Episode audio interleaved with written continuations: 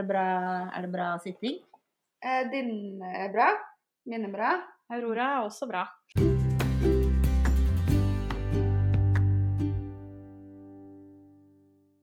Ja, vi er endelig tilbake, Camilla. Eh, vi har hatt en litt sånn halvveis ufrivillig pause fra podding. Først så var det pga. lyden, og så Rakna det helt for mor her. Det startet med influensa. Ikke altså Google influensa. Det er en forskjell på influensa og eh, forkjølelse. Vi snakker tre dager med 40 feber. Har du hatt 40 feber når du er voksen? Hva tror du at du skal stryke med? Jeg ligger på sofaen og grått fordi jeg har hatt det så fælt. Og så gikk det over i bronkitt. Og ikke nok med det, når jeg følte nå ser jeg lyset, så fikk vi vannkopper. Så neste år, nå... da skal jo mor ta influensavaksine. Ja. Og så har vi hatt uh, litt eh, utfordringer med lyden, som dere kanskje hørte i siste podkast, som vi også uh, varslet om. Og vi har jo testa. Vi har jo spilt inn en podkast uten eh? å trykke på Uten å trykke rett. Yeah. Vi har, vi har bytta altså, vi har bytta program vi spiller inn i, eh, til et som er litt proffere, med betalingsversjon. Vi har Mhm. tidligere vi brukt Spotify sin gratis Yes. greier. Nå har vi bytta til en som koster monitos. Kaster penger, altså. Ja, vi har brukt penger. Nå investerer vi i podkasten. Oh, yes. Og vi har kjøpt ny mikrofon. Eh, og vi har da prøvd å få ting opp og gå. Vi har ikke studio helt ennå. Vi er ikke helt der. Nei. Det, vi bor jo liksom ganske langt eh, i, fra hverandre i det utstrakte land, så det er Mm. ikke bare bare med studio. Og ikke nok med det, vi er jo samlet sammen I dag, ja. live, ordentlig, med gjest. Ja, vi har gjest. Og det er jo den gjesten som egentlig var planlagt for ja, er det vel en måned siden, vil jeg tro. Ja, vi introduserte henne vel i, i avslutningen holdt jeg på, å si, på en podkast. Og Eh, den kom jo aldri, da. Nei. Men nå Men nå skal hun, Aurora få lov til å komme inn på alvor. Men først skal vi bare fortelle hvorfor vi har så lyst til å snakke med akkurat hun. For det var jo en av de navnene vi droppa tidlig, tidlig i brainstorming-fasen av podkasten, Camilla. Ja, Hvorfor det? ja, hvorfor det? Først og fremst, det er Aurora med tre f-er. Jeg gleder meg til å lure på hvorfor er det Aurora med tre f-er. Det er derfor. Det er vi skal finne ut hvorfor det er tre f-er. er det eneste vi trenger å prate om. Da får jeg sjelefred. Da får jeg sove om natta. Mm. Men altså er, hva er det vi er gode på, Charlotte? Hva er det vi gjør? Eh, Vi er litt over snittet gode på å smile, vil jeg påstå. Jeg er god på å smile. Hva er det Aurora er god på? Nei, det er nesten sånn at hun smiler i kapp med oss, og det syns jeg det er sånn prisverdig sak, eh, føler jeg. Snakk om dame med stort smil, og ikke bare et stort smil, hun har et smittende smil. Man må liksom, Jeg tar meg selv noen ganger når jeg ser på, på storyen hennes, at jeg må liksom le litt med. Eh, og det, det er sånn deilig. Det er, sånn, det er det jeg liker å se på da, når jeg så følger med på folk på Instagram eller Snapchat eller hva. Folk som gjør deg glad. Mm. Eh, og så er vi så glad selv, da. Så det passer jo veldig inn i, inn i vår visjon. Det hørtes veldig feil at man har en visjon om å smile i livet, men eh, jeg har jo egentlig det. Det syns jeg jeg har, fordi at eh, det gjør eh, smil gjør aldri noe gærent. Det gjør alltid Nei, det gjør alltid dagen bedre. Og egentlig så er det jo veldig mange ulike temaer vi kunne tatt inn Aurora for. Eh, Absolutt. for altså, jeg kan ramse opp i det lange og det breie. Én ting er jo snakk om å ha bein i nesa og si 'hallo, jeg skal faktisk bli en positiv influenser'. Og for å si det sånn, vi har jo nok av de som eh, er influensere og kaller seg det uten at de eh, bidrar med så mye positivt. Aurora er liksom bare Hun bidrar med så mye positivt til så mange personer. Og vi kommer nok inn på det også. Men hovedtemaet som vi skal ha eh, Aurora for i dag, er faktisk ikke det. Det er noe jeg plukka opp kanskje litt tilfeldig, etter at jeg og eh, Camilla snakka om eh, vennskap i voksen alder. For jeg plukka tilfeldig opp Sara er gjest i dag òg, ja. Vi har alltid en, en sånn som eh, litt på sidelinja her som pludrer og bidrar med god stemning. Eh, så hvis noen fiser og raper, så vet dere som vanlig at det er selvfølgelig ikke oss. Det er babyen. Yes. Men eh, nå mista jeg tråden. Eh, jeg var på vennskap. Vi snakka om vennskap. Jeg plukka litt sånn halvtilfeldig opp eh, at Aurora sa at hun hadde ikke så veldig mange vennskap med seg fra barndommen, men at de nærmeste vennene i dag er fra voksen alder. Altså bekjentskap som har utvikla seg til te- tette og nære og gode vennskap i voksen alder. Og det er Vi skal selvfølgelig komme veldig detalj inn på det, men det er noe litt uvanlig ved det. Enten fordi ikke så mange tør å si det høyt, som er min mistanke. Eh, fordi man liksom går i den tralten med at man har vokst opp med vennene sine, og, og man har de man har hatt hele livet. Så enten har man en enorm vennekrets med mange halvgode venner, eller så har man noen tette som man har hatt hele livet. Men det er ikke fasiten. Det må ikke være sånn. Så det gleder vi oss veldig til å høre mer om. Mm. Så tror jeg vi har eh, veldig forskjellige historier. Jeg, vi snakket litt sammen i går, Charlotte, om, om det med vennskap og hva slags vennskap man har fra man er yngre til man blir eldre.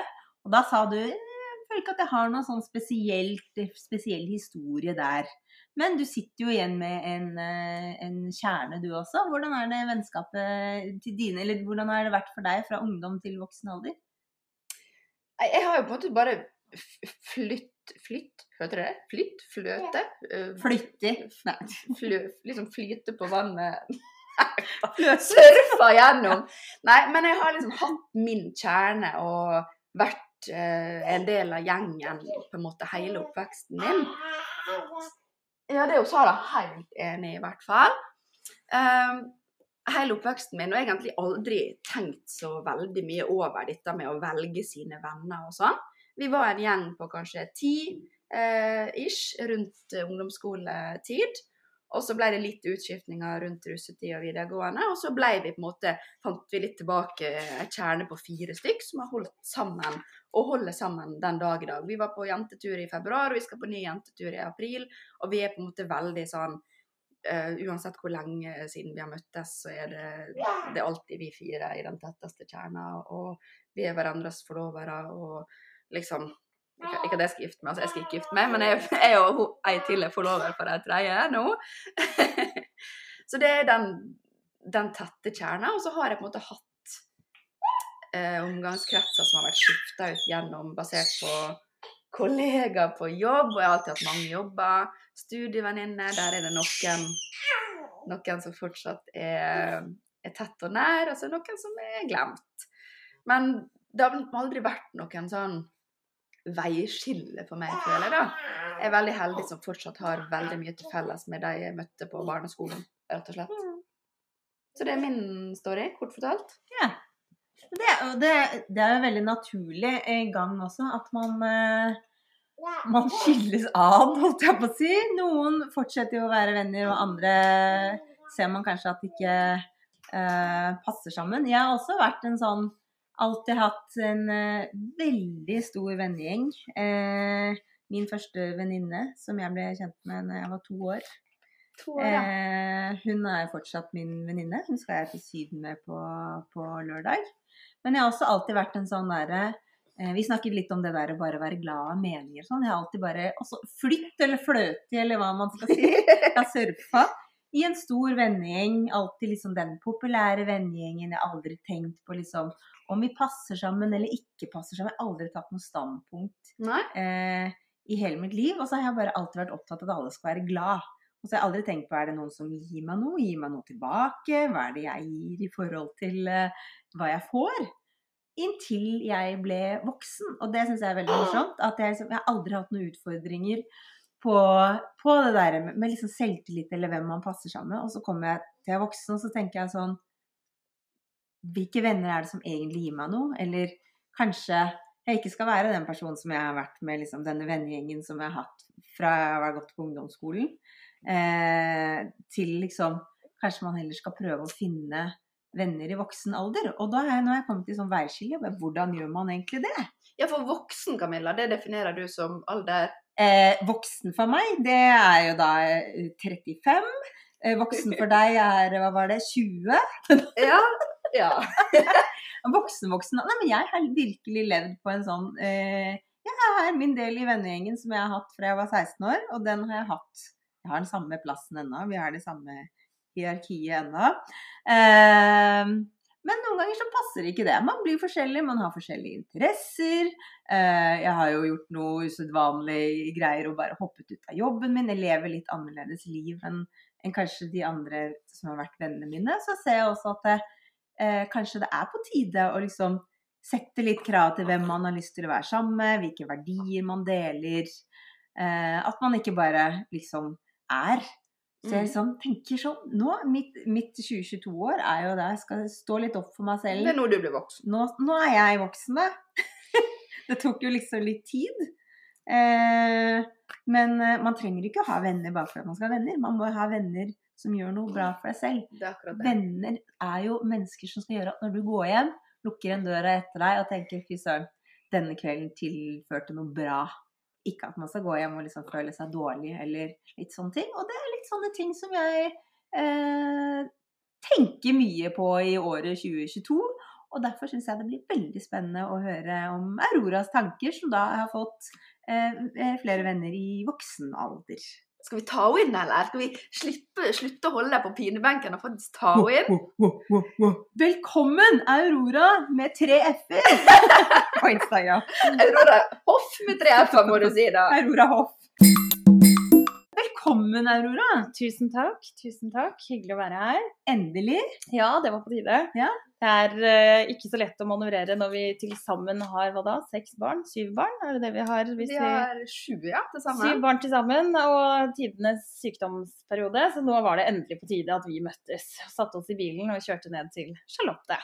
Ja, og her har vi brukt gode en og en halv time på å prøve å få den ungen til å eh, sove. Hun, har, hun sovna til slutt, men våkna før vi rakk å begynne å spille inn. Sånn Så, er det. Sånn er det. Sånn er det.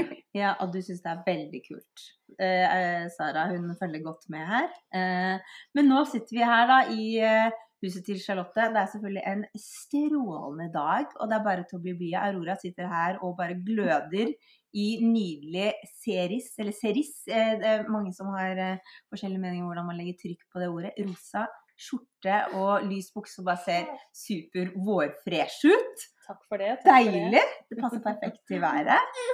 Så utrolig, utrolig hyggelig at du ville ta deg tiden og, og hoppe i bilen sammen med meg og kjøre ned til Charlotte. Veldig hyggelig. Det setter vi pris på. Hvordan har du det, Aurora? I dag har jeg det veldig bra. Sola skinner. Jeg er sammen med dere. Damer som smiler fra øre til øre. Og ikke minst en liten en som også er veldig blid og fornøyd. Det skulle dere sett, dere som eh, lytter. Men en veldig bra dag. Kan vi være så snille og bare avklare fra starten her? Hvorfor er det Aurora Hoff med tre f-er? Rett og slett fordi jeg tenkte at jeg skulle skape et skille mellom Aurora Hoff, som er meg, og min Instagram-konto. Rett og slett ved å putte inn en F til. Og så kan jeg avsløre at alternativ to var å skrive Aurora Hoff 1. Eller understrek, eller alle disse andre. Så tenkte jeg nei, klinker til med en F til, så er det i hvert fall så nært mitt eget navn som mulig. Ja, for Aurora Hoff med to f-er var opptatt. Ja, det var det òg. Mm. Så eh, flere Hva heter det? Flere, Sara. flere svar til uh, samme tale. Ja. Men det må vi bare få si. Og jeg vet at det er ikke sånn du snakker veldig høyt om, men jeg og Camilla er jo litt, eh, litt gamle.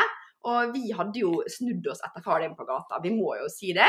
Han er for oss skikkelig kjendis. Så det, det må være du, du skal få slippe å, svare på det, men vi må bare nevne det. At eh, den berømte skuespilleren Stig Henrik Hoff er jo da faren til Aurora. Jeg har jobbet hele mitt liv med å ikke få det stempelet, og der, der kom det tilbake igjen. Nei da. Men, eh, Men nei, der er du god. Du, du er jo ikke sånn som, eh, som eh, Du lever ikke på Hanna ikke på- på pappaen din, akkurat. Absolutt ikke. Og det syns jeg er veldig, veldig kult, for det er jo mange som tar seg av den eh, fordelen også å leve på, på kjente foreldre.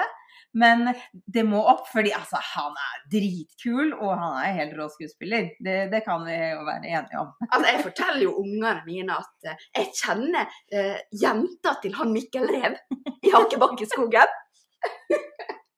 Så det, ja, bare for å touche innom det, så har vi, har vi vært innom om det. Så kanskje eldre lyttere her også kjenner Nå hørtes det ut som, hørtes ut du var ungdommen her. Aurora er faktisk like gamle, vi. Stemmer. Det var jeg som er gammel.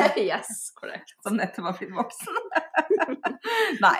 Men vi er jo her for å snakke om vennskap. Mm. Og det er jo veldig morsomt sånn eh, i dag, Når vi skulle starte podkasten, så var det nesten sånn bare Hvor skal vi begynne? Vi har virkelig vært innom eh, alle mulige temaer allerede. Og det er jo veldig morsomt når man møter noen man ikke har møtt live før. At eh, man liksom bare kan være så åpen og bare snakke om, om alt. Og plutselig bare få vite mer enn kanskje noen andre venner vet, vet for den saks skyld. Eh, så det er jo klart det at eh, vennskap kan jo oppstå i, i voksen alder også. Og det har det for deg, så nå er vi spente da på å høre liksom Din vennskapshistorie. din vennskapshistorie. Ja, hvor skal man starte? Eh, Jeg har jo en vennskapshistorie som er ganske lang. Em, Kan jo starte med et eh, nært og tett forhold til eh, min storesøster, som det bare er ett år og åtte måneder som skiller oss med. Så hun har jo vært en definitivt venninne gjennom hele livet, og er det jo for så vidt fortsatt. Så det var vel det første møtet med vennskap. Det er det elsk-hat-forholdet man har til søsknene sine fra tidlig av. Til at vi begynte på i barnehagen, hvor det var masse vennskap. Videre på barneskolen, frem til vi bytter beite. Så vi har da gått ut fjerde klasse. Eller jeg begynner i fjerde klasse på ny skole etter å ha hatt et solid eh, nettverk i mange år. Em, fra å være huset som alle kommer til, som jentene som alle ville være sammen med. Flere kalte oss for tvillinger fordi vi var vanskelig å skille. Mm. Em, og hadde et, alltid et åpent hjem for alle som ville komme. Det var aldri sånn at noen sa at her er det ikke nok mat, dere må dra videre. Her fikk alle komme og gå som de ville. Til at vi kommer til et nytt klassemiljø. Mor og far går fra hverandre. Og livet ser litt annerledes ut. Vi flytter til et sted hvor vi begynner på to forskjellige skoler, da det ikke var plass i trinnet som søsteren min gikk på. Eh, videre da inn i en eh, opplevelse av at eh, mennesker kan være ganske fæle, og at barn kan være ganske fæle mot hverandre. Mm. Så fra å gå fra å være de som hadde et åpent hjem, til å oppleve at det ikke var en eneste dør åpen for meg, Det var en ganske hard overgang. Fikk vel da for første gang oppleve at eh, det å bli utenforholdt, altså holdt utenfor av Mm. andre, er en realitet. Og at det å bli inkludert ikke er en selvfølge. Eh, så kommer inn i en jentegjeng på ti. Det var ti jenter i klassen. Rett før meg så hadde det begynt en annen jente. Eh, de hadde tatt henne litt inn i varmen. Eh, hadde bestemt seg før jeg kom om at de ikke skulle gjøre dette med den nye jenta. Liksom Uavhengig av hvem du var. Ja, for dette var jenter som hadde gått sammen fra barnehagen av, foreldre som kjente hverandre. Og så kommer det da to nye inn i et klassemiljø som allerede var veldig satt, Mm. til at de inkluderer den ene og ikke den andre. Em, så vennskapshistorien der ender jo opp med en eh, skikkelig real eh, smack in the face, en overraskelse over at eh, her må man jobbe hardere for å prøve å tilpasse seg. Gjorde vel alt jeg kunne for å tilpasse meg. Hadde foreldre som prøvde alt de kunne for at man skulle indoktrineres i det nye miljøet, og ingenting hjalp. Endte opp med å bare bli et det man i dag snakker om som et skikkelig mobbeoffer. Ble utsatt for forferdelige ting når fire jenter i syvende klasse, og jeg selv går i femte, fire jenter i syvende klasse holder hendene mine mot at den femte prøver å stikke en pinne opp i rumpa mi midt i skolegården. Hæ? Så en skikkelig runddans en fortelling på at eh, vennskap eh, og det å komme inn i Og da var det ingen som backa deg. Nei, jeg hadde ingen. Jeg hadde Du var ærlig elleve år. Hadde ingen. Eh, og hadde da, altså selvfølgelig som jeg nevnte i sted også, har jo hatt en søster underveis, men vi har jo vært søsken underveis. Så Ja. man har jo både vennskapsrelasjon, men også det søskenforholdet som har de negative sidene som de har. Så kjente meg jo i ganske mange år ganske alene. Hadde noen jeg var sammen med. Blant annet han jeg fikk barn med, var en av mine eneste venner. Men som kunne møte meg sånn hvis ingen andre var til stede eller ingen andre så det. Så vi kunne møtes i tide og utide liksom på skolen være litt grann sammen. Så jeg hadde jo noen jeg kunne være sammen med sånn sett. Og så hadde vi litt familievenner, men egentlig ikke noe sånn særlig med gode relasjoner allerede der. Og videre til eh, første året på ungdomsskolen, hvor eh, man da kommer og tenker at det, her er det masse nye mennesker, men man tar jo med seg masse av de samme som kommer fra nei, barneskolen. Mm. Og videre da inn i at man da oppsøker et miljø som er ikke veldig fruktig. Eh, men jeg var så utrolig takknemlig for at noen i det hele tatt hadde lyst til å være sammen med meg. Så jeg kom jo inn i et sånt miljø som holdt på med ting som ikke så unge mennesker skal holde på med. Med en runddans med ganske mye forskjellig, før jeg videre blir flyttet ut av denne skolen, som er da en vanlig, alminnelig ungdomsskole, og over til en ungdomsskole for vanskeligstilt ungdom, rett og slett. Ja. som var egentlig litt redningen. Og der opplevde jeg for første gang noen vennskap som jeg ikke i dag har, men det er ikke noe annet enn at man vokste fra hverandre fordi livet skjer underveis. Eh, som jeg hadde da både 9., 10. og første året på videregående. Men så finner jeg ut at jeg er gravid første året på videregående. Og da forandrer også relasjonene seg ganske mye. Men det var også en Mm. fin overgang fra ungdomsskole til videregående, hvor man også fikk noen småvennskap. Og underveis i dette, da har jeg en far som bor i byen. Og i kvartalet ovenfor så møter jeg en jente som heter Veronica, som fortsatt i dag, så jeg begynner nesten å gråte, fortsatt i dag er en av mine absolutte beste venninner. Ennå vi Kanskje fellestrekkene våre er at vi har en lang historie sammen og mange opplevelser, fremfor at man kanskje har masse likhetstrekk, men som definitivt er liksom den første ordentlige venninnen jeg fikk, da, som også var helt sånn uavhengig av skolemiljø. Og her er du altså 16 år. Litt før. 15 år. Nei, 11 faktisk. Okay. Ja, så jeg dro henne litt seint inn. Eh, men underveis, imens vi hadde skoleskille, eh, byttet over, så siste året på barneskolen møtte jeg henne. Ja. Mm. Men gikk du på skole eh, Fordi din far flytta til byen, til Oslo, og mora di bodde I Bærum. fortsatt i Bærum. Og du, du gikk på skole i Bærum? Mm. Ok. Så Veronica hun var ikke sånn du møtte hver dag? Nei, eh, men vi har også en periode bodd på Grünerløkka. Jeg er jo egentlig oppvokst på Grünerløkka. Mm. i leiligheten i oppgangen ved siden av, for der hvor pappa fortsatt bor. Ja. Eh, så jeg var jo der med jevne mellomrom ble jo da kjent med henne via det, og reiste da etter hvert veldig mye inn til Oslo for å være sammen med henne, da. Ja. Men ja. Så da får jeg jo da noen venner på videregående og et fint miljø og tenker at nå er det liv laga, og så skal jeg ut i barselpermisjon. Og jeg tror de aller fleste som har opplevd å få barn, opplever at det å få barn gjør noe med relasjonene man har rundt seg. Det gjør noe med prioriteringer. gjør noe med tiden man kan prioritere i forhold til vennskap. De hadde lyst til å dra på fest fordi man begynte å bli gammel nok for å gjøre det. Eh, De begynte etter hvert å dra på byen. Så på en måte relasjonene jeg da hadde, ble det mindre og mindre kontakt med. Egentlig ja, ganske naturlig, da. Som Veldig. også skjer med ja, andre i samme situasjon, eller ja, som også får barn. Så uavhengig av alder, men kanskje spesielt for deg, da, som var 16 år. Absolutt. Det gjør jo en forskjell. Og andre 16-åringer er jo heller ikke på en måte klar for at venner skal få barn i den samme perioden. Og det er jo også igjen ingen no hard feelings disse jentene som jeg da hadde en god vennskapsrelasjon til, men som jeg ikke lenger har kontakt med. Mm. Og så går tralten, og livet går videre. Jeg jobber, får meg en utdanning, er hjemme med barn. Og har egentlig ganske lite nettverk, rent sånn sosialt. Møter noen underveis, men ikke noe kjempefruktig. Men er igjen i en sånn periode av livet hvor jeg syns at uh, det å ha en venn er viktigere enn å ikke ha noen. Så jeg vel kanskje hadde en Mm. periode hvor jeg var veldig lite kritisk til hvem jeg møtte. Mm. Tok egentlig alle inn som en venn. Fordi jeg var så glad for at noen liksom hadde lyst til å være sammen med meg. Mm.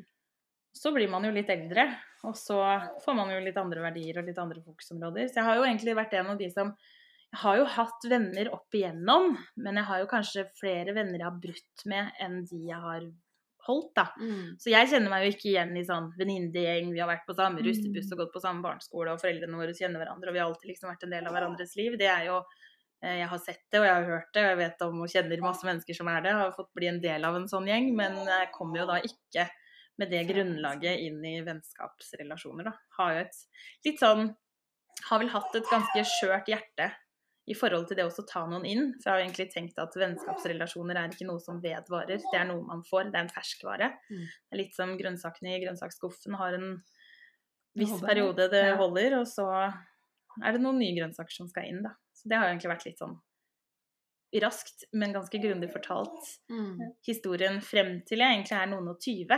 Nå er jeg jo, som vi nevnte innledningsvis i sted, like gammel som Charlotte. Vi nærmer oss 31. Og har jo da opplevd det motsatte, da.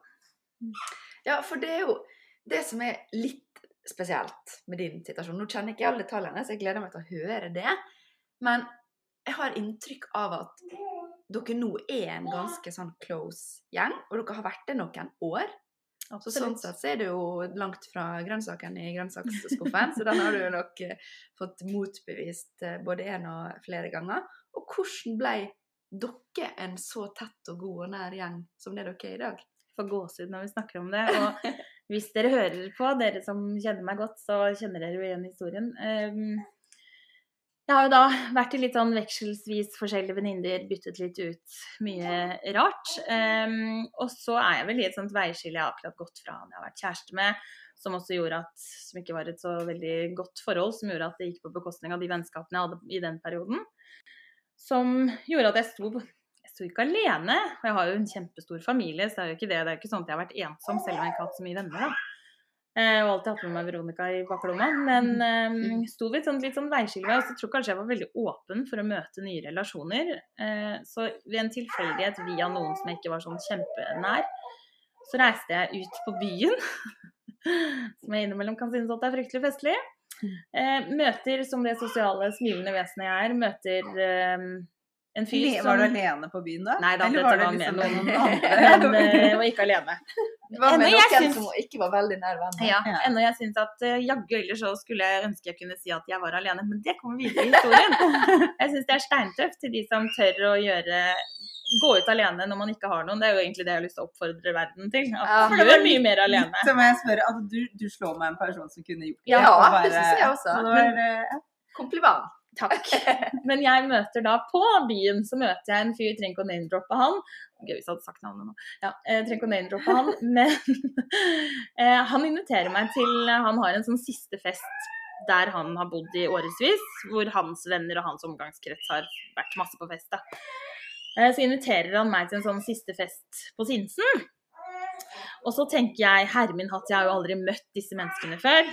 Jeg aner jo ikke hvem han er, jeg kjenner jo ikke til han i det hele tatt. Men OK, let's go. Jeg drar dit. Eh, står på Rosenhoff, som er trikkestoppet, og tenker herre min hatt, hva er det jeg har satt meg selv eh, inn i? Men come on, go for it. Ringer på døren og vet knapt navnet på han jeg skal til. Eh, der er det en eh, festlig ansamling av eh, masse, masse morsomme mennesker. Har eh, snakker litt der og snakker litt her, og så helt på slutten av kvelden så er det en fyr som har sittet og liksom sånn tittet bort på meg flere ganger i løpet av hele kvelden, som jeg skjønner at har en interesse for å være venn med meg. Eh, og så ender vi opp med at vi setter oss sammen i den taxien ned til det utestedet som jeg da hadde møtt han vi da var felles gjest hos, eh, for første gang noen helger før. Han heter da Hans Einar, han jeg da setter meg i den drosjen sammen med. Skjønte det? og siden det så har vi hengt sammen, altså. Det er helt utrolig. Herregud, så gøy. Ja. helt. Eh, vi fikk jo, igjen hvis man skal snakke om vennskap som avslutter, dessverre så ble det ikke noe sånn kjempefruktig vennskap med han som dessverre er vår felles spleis. Eh, morsomme var også at Hans Einar kom i denne, på denne festen han også uten å kjenne noen andre enn verten. Han kjente ikke verten så godt han heller. så vi hadde liksom felles eh, utgangspunkt der. Um, og Hans Einar har jo da tatt meg inn i en eh, vennegjeng som selvfølgelig ikke er gitt at jeg skulle bli en del av. Altså Han inviterte oss felles, inviterte meg med. Jo mer vi ble kjent, jo mer inviterte han. Og så viser det seg jo at han har jo skikkelig bra venner. Og det er jo ingen selvfølge at man klikker med andres venner. Det er sånn som jeg pleier å si i parforhold også, også. At man velger ikke kjæresten sin sine venner. Nei. Det er noe man får med, og så er det flaks hvis man liker de Ja. og kommer godt overens. Så jeg hadde rett og slett eh, flaks, og de hadde flaks med meg, da, ikke minst. For det ble jo en uh, ny relasjon for de også. Og så har dette vennskapet nå vart i Nå er vi vel snart inne på vårt åttende år.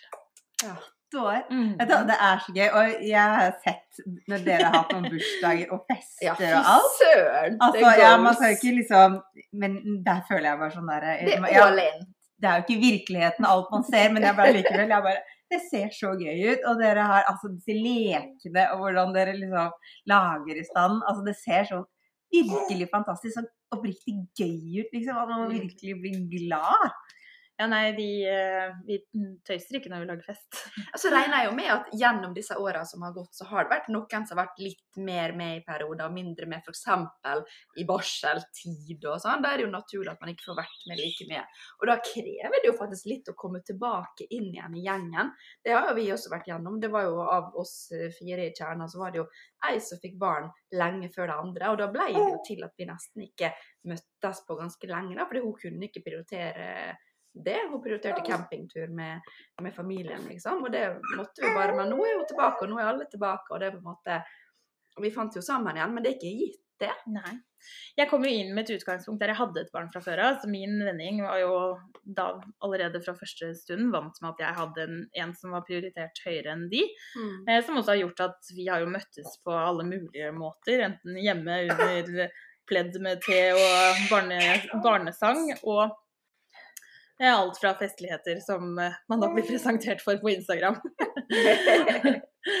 Så um, jeg har jo vel ikke opplevd sånn Altså vi har jo hatt selvfølgelig et svangerskap hvor eh, Men jeg er jo hun som har vært med på festen, selv om jeg ikke kan verken eh, røre det flytende eller eh, bør være for seint oppe. Mm. Så har jeg alltid, er jeg jo alltid en sånn som alltid har villet være med. Livredd for å gå glipp av noe. Jeg er jo sånn FOMO på det høyeste nivået.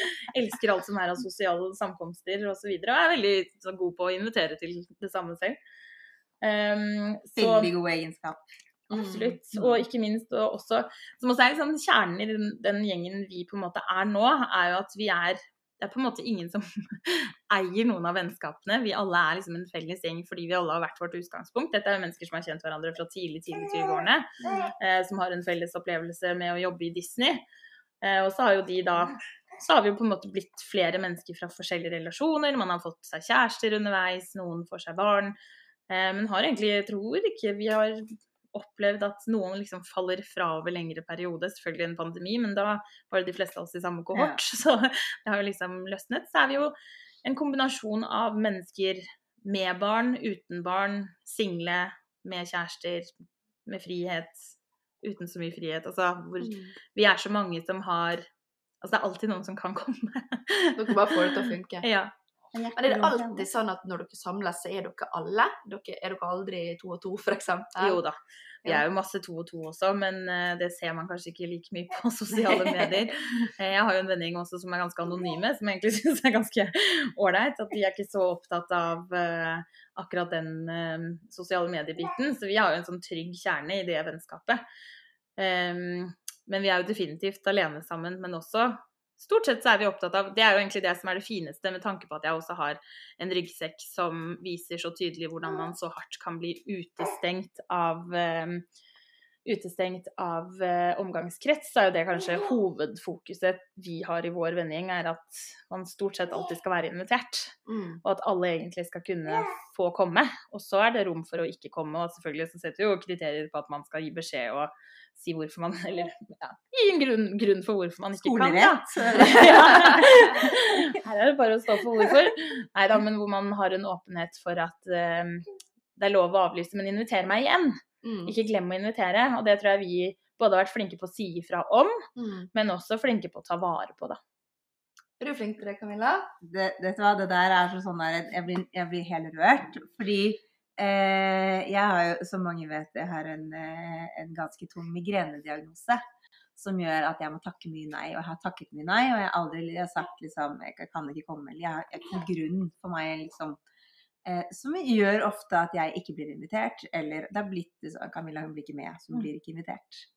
Eh, men det der du sier er at man skal alltid invitere uansett. Det koster så utrolig lite, og det betyr så mye for den personen som har muligheten til å takke Mm. nei. Fordi man vet aldri hvorfor.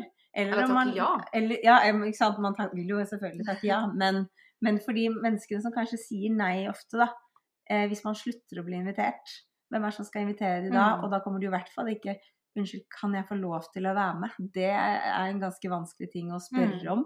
Eh, uansett om man er 30 eller om man er 12 år Mm. så er jo det like tøft. Så det er sånn er så utrolig viktig, det der at passe på hverandre Mm. og inkludere hverandre og liksom eh, ja, tenke på at eh, ingen grunn er for liten eller for stor til å være med eller ikke være med. Mm. Det er jo sånn Det syns jeg bare er Det er sånn helt rørende å Mm. høre på. Det er helt fantastisk. Jeg har jo også erfart det at det å kommunisere i en vennegjeng er vel egentlig det som gjør at man i vennskapsrelasjoner generelt, eller egentlig alle relasjoner man har, så er jo kommunikasjon leddet som gjør at vi har for, mer forståelse for hverandre. Og det jeg synes at, som også er en veldig god egenskap som vi har i vår omgangs, vennegjengen vår, da, er at eh, vi er veldig gode på å kommunisere. Vi er gode på å tørre å si Hei, hvorfor er ikke jeg invitert? Jeg har jo også lyst til å være med. Eh, og så må man jo da selvfølgelig Den største det største man setter, utsetter seg selv for ved å tørre å rekke ut hånden og si 'jeg er litt sårbar, jeg skulle ønske jeg var invitert', det er jo også at man potensielt kan få en avvisning. Og det er jo ofte avvisningen vi er redde for å få, ja, ja. som gjør at man ikke tør å stille det spørsmålet på sånn 'hei, jeg har også lyst til å bli invitert', er det noen grunn til at jeg ikke er invitert? Som jeg også alltid sier hvis jeg avlyser så, men spør igjen, spør igjen. For jeg kan jo avlyse hva da, syv ganger på rappen, men husk, jeg har fortsatt lyst, det handler ikke om interesse. Og det er noe med det å trygge vennskapet, da, som jeg har lært meg til ettersom at jeg i så store deler av livet har brutt vennskap av forskjellig årsak. Um, som også har gjort at jeg har skjønt at det å ha en vennskapsrelasjon må pleies, den må vedlikeholdes. Det er det eneste som skiller et parforhold vi, ved et vennskap, det er det seksuelle. Og så bruker vi så mye tid på å ha fokus på hvor mye vi skal pleie parforholdet. Pleie parforholdet når vi har fått småbarn, pleie parforholdet underveis gjennom livet for at man skal ha et fruktegodt godt parforhold. Så glemmer man å snakke om det at man skal også pleie vennskapene. Mm. Og snakke om hva forventer jeg. Jeg vet ikke hvor mange runder jeg og jeg, Hans Einar og Karianne har hatt hvor vi snakker om akkurat det, da, særlig vi tre i den kjernen. Um, hvor viktig det er at jeg forteller, at hun forteller, at han forteller, sånn at vi på en måte er på samme nivå. da, Og at vi Mm. skjønner ok, hvor er du akkurat nå? Og at det er lov å ha perioder hvor man ikke har så lyst til, eller man har lov å ha perioder hvor man har kjempelyst. Så må man bare finne en eller annen balanse i det, da. Ja, for det forteller jo veldig Det at dere er såpass åpne at dere kan strekke ut den hånda og si det, det forteller jo at dere står veldig trygt i hverandre. Mm. At dere måte dere vet det at, eh, at når du strekker ut den hånda og sier er det en grunn, spør er det en grunn til at jeg ikke er med, Mm. så er det sannsynligvis ikke det. Det kan, det kan være en forglemmelse, ikke sant? Mm. Men hvis man ikke spør, så gjør man seg sjøl veldig veldig sårbar Mm. med å gå og fundere på hvorfor. For det er ikke sikkert det er en grunn. Det kan, ja, det kan være en forglemmelse. Og, Ja, det er veldig, jeg hadde en sånn eh, episode, jeg skal ikke utlevere noen, men eh, jeg hadde en sånn episode i fjor. Altså, jeg er voksen og får vite at alle vennene mine er på fest. Jeg er ikke invitert. Jeg er den eneste som ikke er invitert. Uh, og det gjør like vondt i voksen Mm. som uh, yngre. Og så tenkte jeg ymta litt innpå liksom, jeg er ikke invitert, og det var ingen andre som liksom spurte hvorfor er ikke Camilla invitert, eller hvorfor er ikke hun her, eller er hun glemt? Men vi har ikke den relasjonen at vi spør hvorfor er ikke jeg invitert, husk meg, alle sånne ting. Og da, det gjorde så vondt, og det Mm. gjør vondt ennå. mm, Og jeg vet fortsatt ikke hvorfor, fordi vi har ikke den eh, måten å snakke på. Så jeg tror liksom å være så trygg på hverandre, Mm. at man kan tørre å spørre. Og selvfølgelig, alle kan ikke være med alltid. Altså er man 20 stykker i en vennegjeng, så er det ikke plass til Mm. 20 stykker på en hytte, f.eks. Eh, så, så det er jo greit. Men alltid liksom vite at nå er vi invitert de, eller nå er det sånn, Mm. eller vi har vært mye sammen i det siste, så sånn. mm, Eh, det, det gjør jo Man blir trygg på seg selv, da. mm. Eh, og man har jo like mye de følelsene om vennskap og trygghet når man er ung som når man er eldre. Men man Mm. tar kanskje litt andre valg når man er eldre. Men det gjør like vondt å være den som ikke blir invitert. Jeg tror det er en av de fordelene vi har ved at vi har møtt hverandre som det jeg omtaler som voksen, da, men altså i begynnelsen av 20-årene. I begynnelsen, I begynnelsen av Da står jeg og 20-årene. shotta kalinka på hodet. Så jeg vet ikke. Men det gjør jo også at Har du man sett sånn punchbollene der på festen, eller jelly shots? Jeg var misunnelig, altså. Jeg er ikke misunnelig. Vi lager også jelly shots, altså. Ja, vi bare er en sånn gjeng som antagelig aldri kommer til å slutte med det. Vi snakker ofte om det at Kommer vi noen gang til å slutte med dette? Nei, antagelig ikke. Deilig. Ikke, Elsker det. don't go there. Ikke slutt med det. Men jeg har jo fått masse Jeg har jo fått andre vennskapsrelasjoner som ikke bare er den vennegjengen, men også via Instagram. Eh, Hvor jeg ble kjent med Kine Holm. Mm. Det er fantastisk. også har blitt en veldig nær venn. Ja. Jeg har jo også møtt vennskap veldig mange andre steder i livet også, ikke bare via denne vennegjengen. Det er jo bare et sånn fundament som jeg har, som jeg kjenner som en trygg base.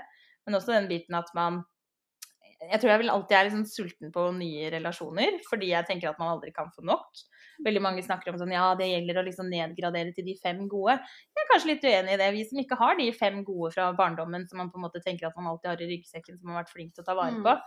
Så tenker man kanskje at det fins jo alltid et beite der ute. Det er jo litt det samme som hvis noen gjør det slutt i en eh, kjærlighetsrelasjon. Så sier man jo masse fisk i havet. Ja, sånn er det vennskapsmessig òg. Du Mm. trenger ikke for alltid å være i det vennskapet.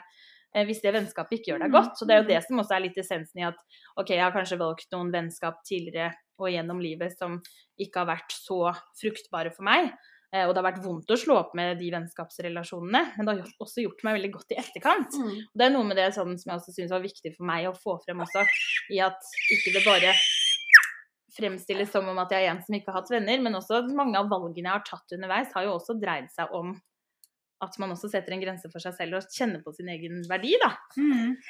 Og at vennskap er ikke for enhver pris. Og det har jeg jo da også selvfølgelig erfart ved at i en periode av livet så hadde man en tanke om at så lenge bare noen ville være sammen med meg, så var det nok. Mm. Mens til at man nå setter høye krav. Jeg har kjempehøye krav, masse forventninger til vennene mine.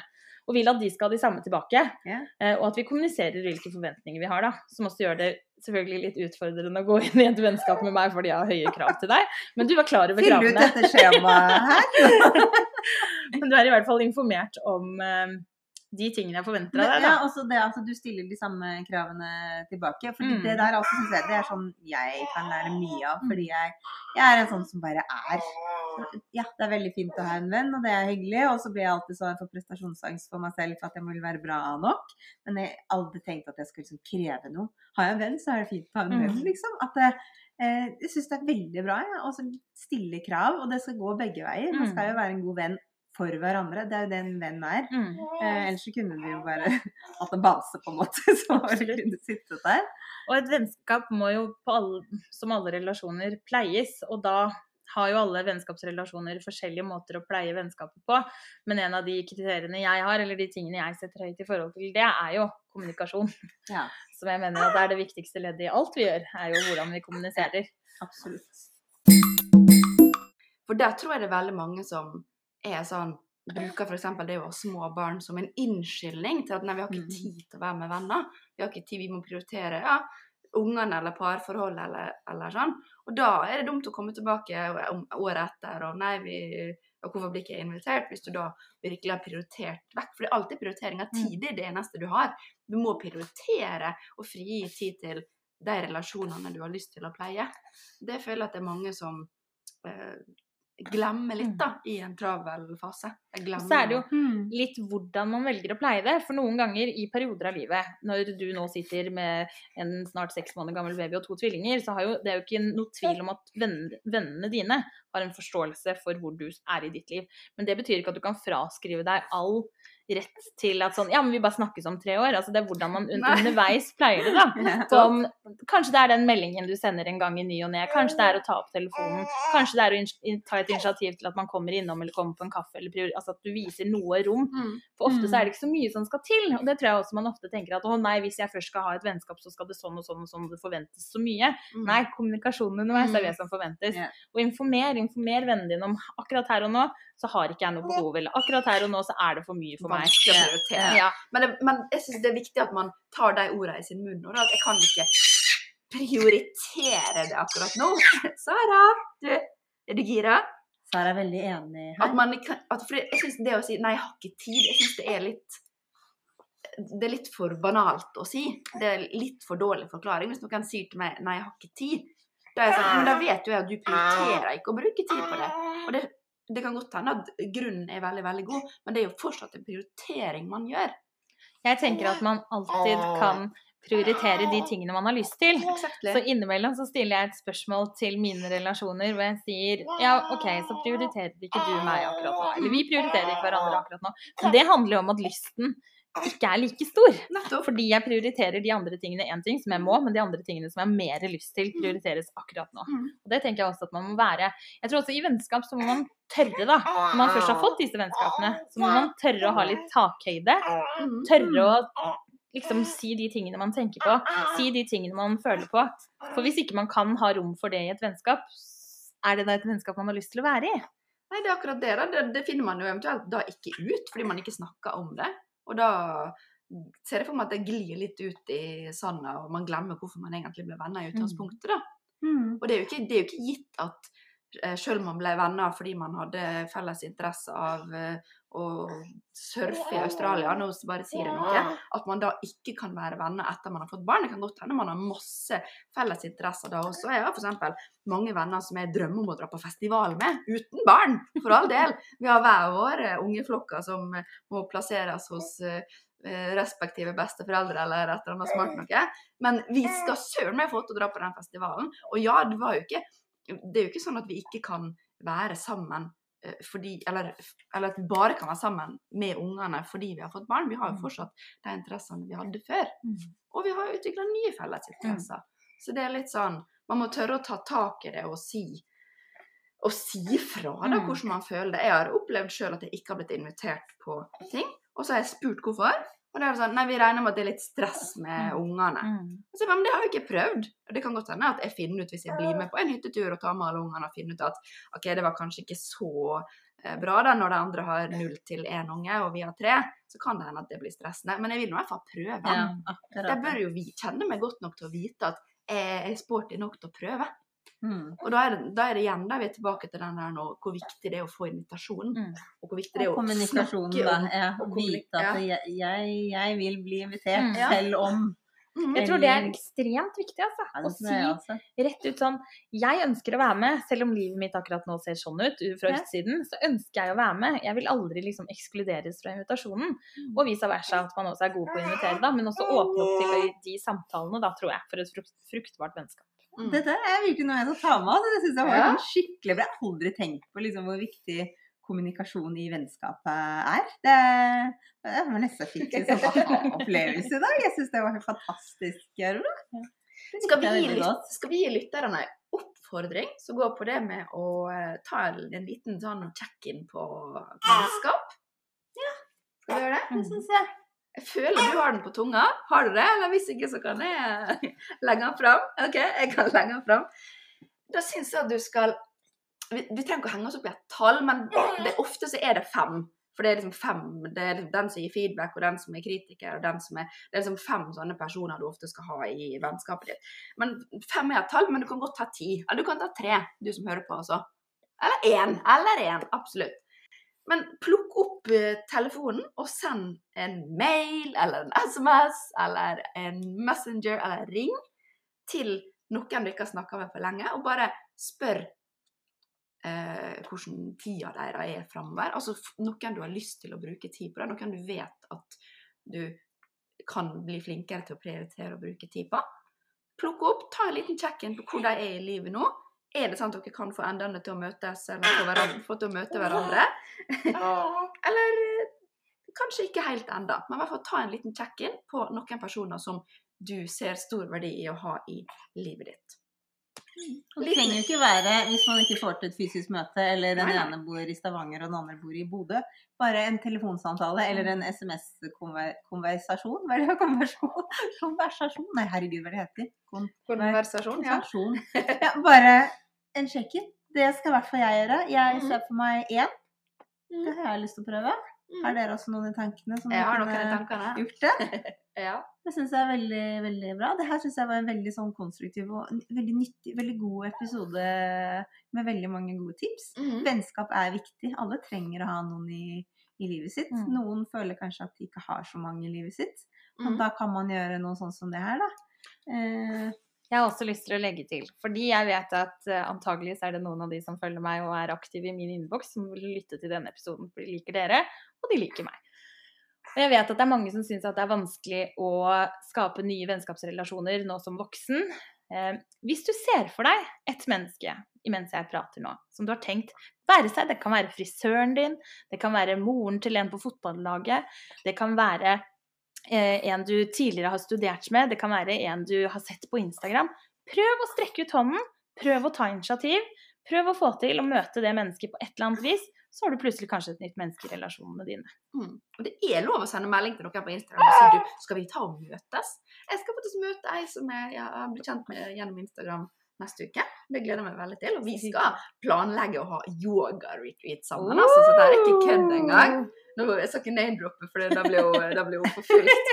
Når kommer den retreaten, da? For det er ikke sikkert det skjer i år. Men det er sånn, man, man vet aldri, altså. Virkelig. Tør å ta sjansen. Ja. Det koster deg litt, men det kan gi deg mer. absolutt. Veldig. Og det skader ingen. Det er jo bare fint. Worst case så får du, vet hva det, det har, kan ikke prioritere akkurat nå. Det er worst case. Eller worst case, så ender man opp med å måtte ta en kaffe med noen. Så får man en deilig kaffe med noen. ja, worst case.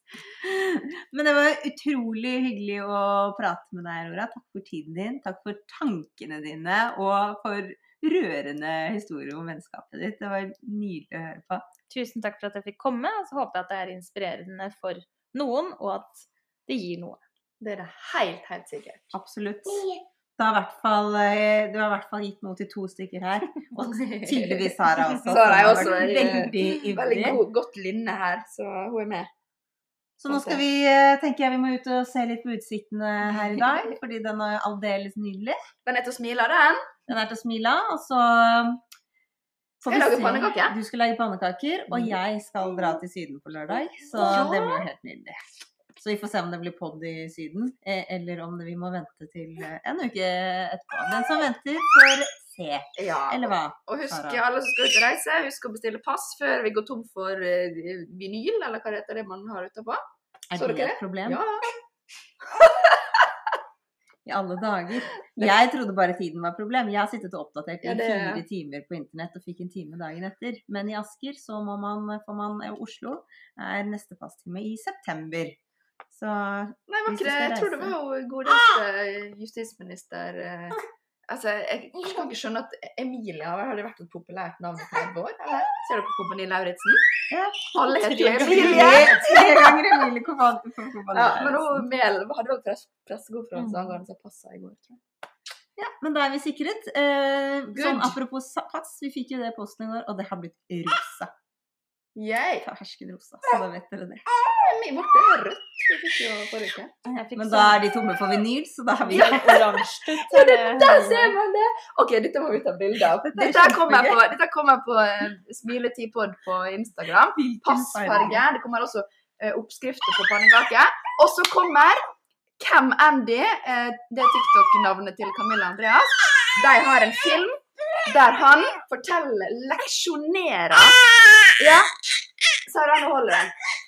Leksjonerer jo Camilla på eh, eh, akkurat det Aurora snakker om, med for, forskjellen på et eh, ekteskap, eller et parforhold, og et vennskap. Ja, nå blir jeg spent. Jeg husker ikke engang. Jeg. Nå begynner å så mange filmer. Nå blir jeg litt nervøs. Ha det!